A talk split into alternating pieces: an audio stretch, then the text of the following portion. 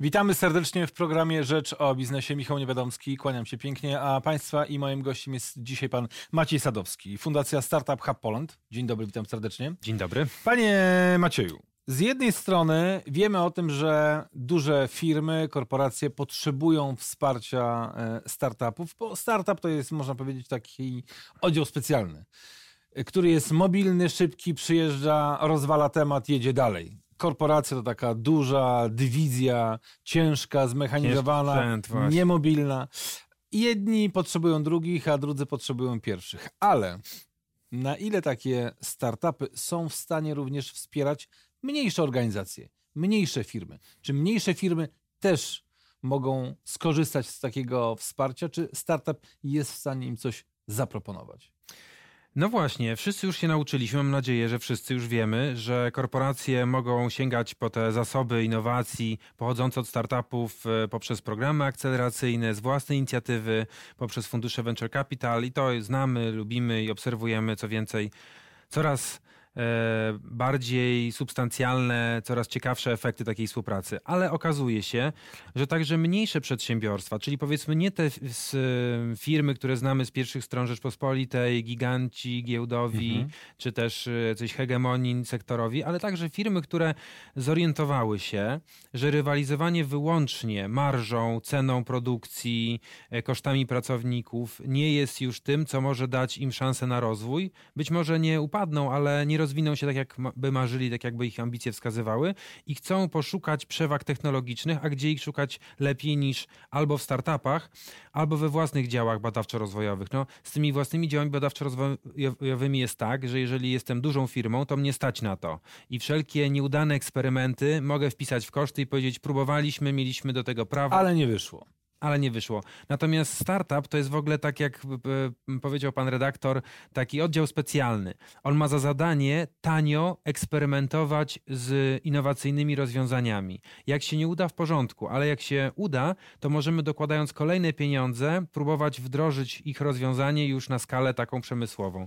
Bo tak zastanawiam się, na ile taki startup może być również takim wyoutsourcowanym e, ośrodkiem B plus R dla takiej mniejszej firmy. Może być? Z pewnością może być. Co więcej, startup ma też to do siebie, oprócz tego, że jest e, oddziałem specjalnym. E, świetna metafora, będę się jej dzisiaj trzymał. E, oprócz tego, że jest takim oddziałem, jest także organizacją ze stałym deficytem, ze stałym brakiem solidnego finansowania, a polskie średnie czy duże przedsiębiorstwo, czy nawet małe przedsiębiorstwo, ale takie, które się szybko rozwija, już mhm. stabilne, ma tę ugruntowaną pozycję i tam się nic złego w sensie finansowym, w sensie cash flow nie wydarzy. Dlatego startup w pewnym sensie jest naturalnym w ogóle sojusznikiem tego typu organizacji, a y, oczywiście dział badawczo-rozwojowy to jest kosztowne przedsięwzięcie, więc lepiej dogadać się ze startupem na jakiś rodzaj testu, pilotażu, eksperymentalnego wdrożenia i jeżeli y, rozwinie się ta współpraca dobrze, mogę sobie nawet wyobrazić, że powstanie jakiś joint venture albo nawet ta polska firma kupi kupi sobie startup i powie, słuchajcie, e, nie ma sensu płacić wam co miesiąc e, tych dużych wynagrodzeń, bądźmy wspólnikami. Chcemy wejść na udziały albo po prostu kupić te, te technologie. Więc e, wydaje mi się, że o ile rok 2019 możemy tak sobie w przybliżeniu powiedzieć, był rokiem współpracy korporacji ze startupami, tak 2020 może być współpracą tych bardzo ciekawych, dobrych, nie chcę powiedzieć drugoligowych, bo to byłoby deprecjonujące, ale tych no, mniejszych polskich firm, z startupami. A startupów mamy w Polsce coraz więcej. E, ostatnie raporty pokazują, że ich liczba może nie przybywa radykalnie, ale to ich dojrzałość biznesowa, ich możliwość pozyskania finansowania jest większa. Więc myślę, że e, polski agrotech, polskie firmy chemiczne, polskie firmy metalowe czy, czy, czy przemysłu takiego ciężkiego, ale nie ci giganci giełdowi, mogliby się spokojnie rozeznać, jakie rodzaje technologii dadzą im przewagę i pozwolą myśleć optymistycznie o następnej pięciolatce czy na następnych dziesięciu latach? Mamy początek stycznia nowego roku. Mówi Pan o, o, roku poprzednim, że to był dobry rok dla startupów, ale czy możemy też powiedzieć, w jakich obszarach mhm. już widzimy to? Jesteśmy wysuwaj, wysuwający się na, na, na, na pozycję lidera e, e, startupami. E, wspomniał Pan o agro, ale pamiętam też kwestie medyczne były też naszą silną stroną. Gdzie jeszcze widzimy te potencjały dla nas? Można zaufać gościowi w programie pana Michała Niewiadomskiego, ale można też zobaczyć samemu, jakie transakcje venture capital były realizowane w 2019 roku. I wtedy szybko zobaczymy, nie musząc nikomu wierzyć na mhm. słowo, że e, polski sektor ICT jest szczególnie mocny, czyli wszystkie rozwiązania e, cyfrowe, software'owe, wciąż te startupy najbardziej korzystają z dobrego środowiska e, high-techowego w Polsce. Medyczne projekty, ale szczególnie te medyczne zorientowane na mocną własność intelektualną, enkapsulacja leków, formulacja leków, urządzenia medyczne, te rzeczy, które mogą dać szpitalom czy też pacjentom albo firmom ubezpieczeniowym dodatkowe walory no, takie produktowe. E, i wydaje mi się, że bardzo dobrze idzie przemysł około agrarny. Mhm. E, tutaj mamy startupy, które pomagają szklarniom, pomagają e, hodowcom bydła, mamy pasze innowacyjne z białka owadziego, e, mamy bardzo dobry sektor energetyczny, mówię o startupach, oszczędność mhm. energii. Przy rosnących cenach prądu każde rozwiązanie, które pozwoli mojej firmie zaoszczędzić 20 do 25% na, na mhm. chłodzeniu, czy podgrzewaniu, czy cyrkulacji powietrza jest świętym gralem.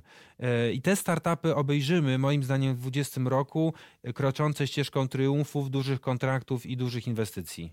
Bo zastanawiam się też, e, kiedy my będziemy w stanie dojrzeć, że oto polski startup zrobił coś takiego, kiedy o tych polskich startupach coraz więcej będziemy w stanie usłyszeć, nie tylko w kwestii tego, że a, tu jakąś, nie wiem, rozwiązanie czy aplikację przygotował dla jakiegoś banku właśnie polski startup, bo tego widzimy dużo i, i, i, korzystając z bankowości internetowej widzimy, jak wiele nowych produktów tak. jest. Jesteśmy pewnie numerem 2-3 na świecie. E, jest naprawdę oferowanych, e, gdzie dostępność do smartfona powoduje, że możemy robić różnego rodzaju operacje i mieć do tego online e, e, dostęp. Natomiast zastanawiam się, co się musi wydarzyć, ale albo kiedy faktycznie będziemy mogli powiedzieć, o, kolejny polski startup, który rośnie w siłę, który coś epokowego dokonał. Mhm. Nie chcę to mówić o tych symbolicznych jednorożcach, ale o tych firmach, które możemy powiedzieć, o, to kolejna polska firma, która odnosi sukces.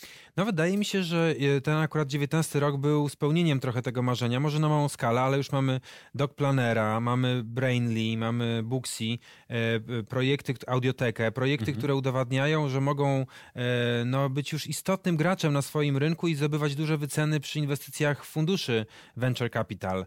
Więc moim zdaniem już dzisiaj możemy być dumni. Zaraz będziemy dumni, mam nadzieję, w 20 roku oglądając wyniki już giełdowe tego naszego giganta gaming gamingowego, mhm. czyli CD Projekt Red.